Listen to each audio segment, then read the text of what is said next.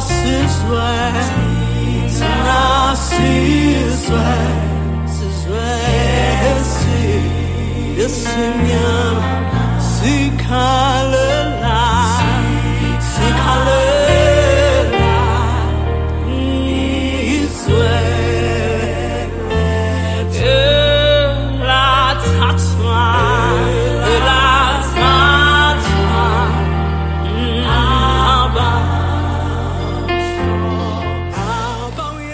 umAfrika nenkolo okuyingosi ebakhona njalo njengolosine la ohlelweni.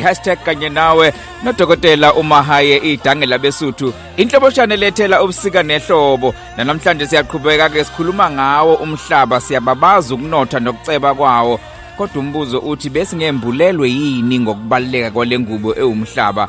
Eh ngikhuluma kahle dokotela ngoba unyaka usaqala eh unyaka usasombuluka. Sikhuluma kahle kamacungane ngoba unyaka usaqala. Mm. Abantu kunezinqumo abasithathile yep. Abantu kuba nama resolutions abawebhale phansi ukuthi nakho abazo-achieve nonyaka mm. Kodwa mhlambe ngare uma ungathola umuntu obhale phansi ukuthi eyinto afuna ukuzizuza nonyaka ukuthi ambulelwe ngale ngubo. Ambulelwe Ngale ngubo. ewumhlaba. Ewumhlaba. uNkulunkulu asinike yona. uNkulunkulu asinike yona. Ngakho uma umphefumulo usuphuma umhlaba umzimba usubuyela emhlabathini ngoba wodalwe ngumhlabathi. Yep. but umphefumulo uzontunta baningi abantu abasazoba namacala uma befika ngale ngoba kunezinye izinto abacabanga ukuthi funeke si- si- sijabulise inyama kuphela. Sineyinkinga ezingaka lapha eningizimu Afrika kwanda abantu abafuna ukujabulisa inyama abafuna ukujabulisa umzimba bekhohlwa uNkulunkulu bekhohlwa umdali baphuza utshwala badakwe. ba- ba- ba- ba- benza ukuhlobonga bangcole benza izinto eziningi babulale bahlukumeze badlwengule eh, eh, eh, eh, bahlukumeze izingane abantu besifazane abesifazane bahlukumeza amadoda benza imikhuba eminingi emadodeni. Eh eh eh eh, eh, eh, kuningi kunevideo nje kade idlala lezi insuku lezi ingihlukumeze kabi Ish. Leya video eh eh, yaleya ndoda ke. Hey. Ebanjwe lapha na ngeke ngeke ngikhulume ke kakhulu macingwane. Kodwa ngifuna ukuthi macuba ngane umuntu uNkulunkulu mayethu umhlaba ungoka Jehova nokugcwala kwawo Mm.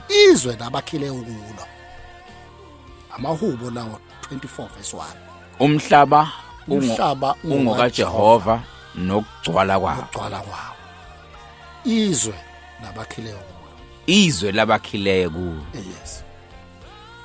Okusho ukuthi uNkulunkulu ukhiye ekuthenini umhlaba lawo wakhe. Wawuallocatele izizwe ngezizwe kuba ziba abanikazi bawo. Mm. Ngoba uthi izwe nabakhile ukulo isho ubunini. Isho ubunini. isho ownership kunabantu abawumtsinso kuyimelela lapha. Kunabantu abakhile lapha. Kodwa ke base befika ke abanye amacungane bazosicindezela. Uma ufunda incwadi ezaga 14 verse 31 izaga 14 de- verse 31 ocindezela ompofu usola umenzi wakhe. Kepha kepha nomusa kosulayo uyakumdumisa. Ocindezela ompofu usola umenzi wakhe.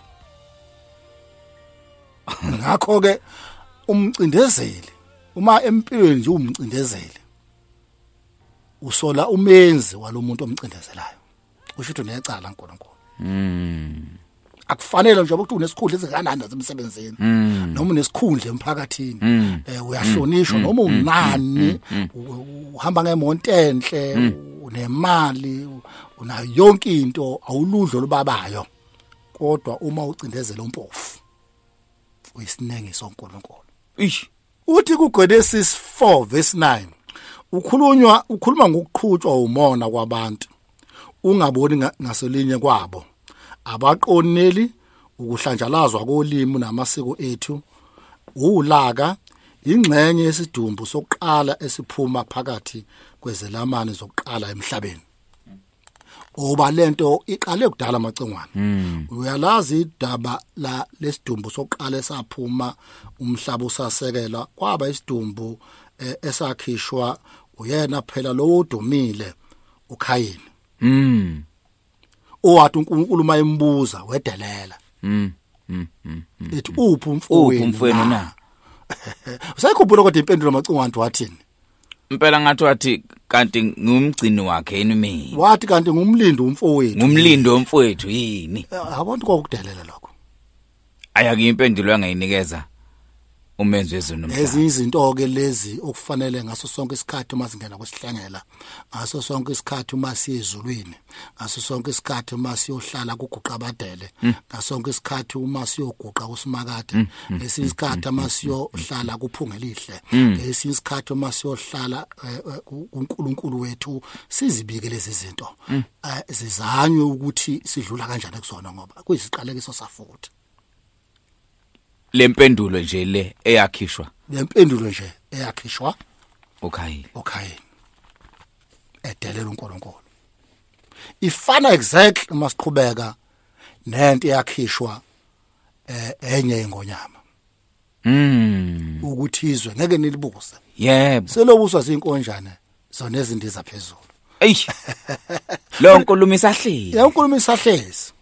Akaze buye kuhlale phansi kubhunga. Ngiyase kuhlalwe kwaningi sekuhlalwe kaningi hlalo kodwa kusho ukuthi kufanele kuqhubeke ngoba hayi udakaze kwenzeke. Kusho Khona- ukuthi- khona osekwenzeke. akakafiki la fanele kufike kodwa khona. kusho ukuthi safanele kuye kumnikazi. Bese sizenzela mhlawumbe ngokwethu safanele siye kumnikazi.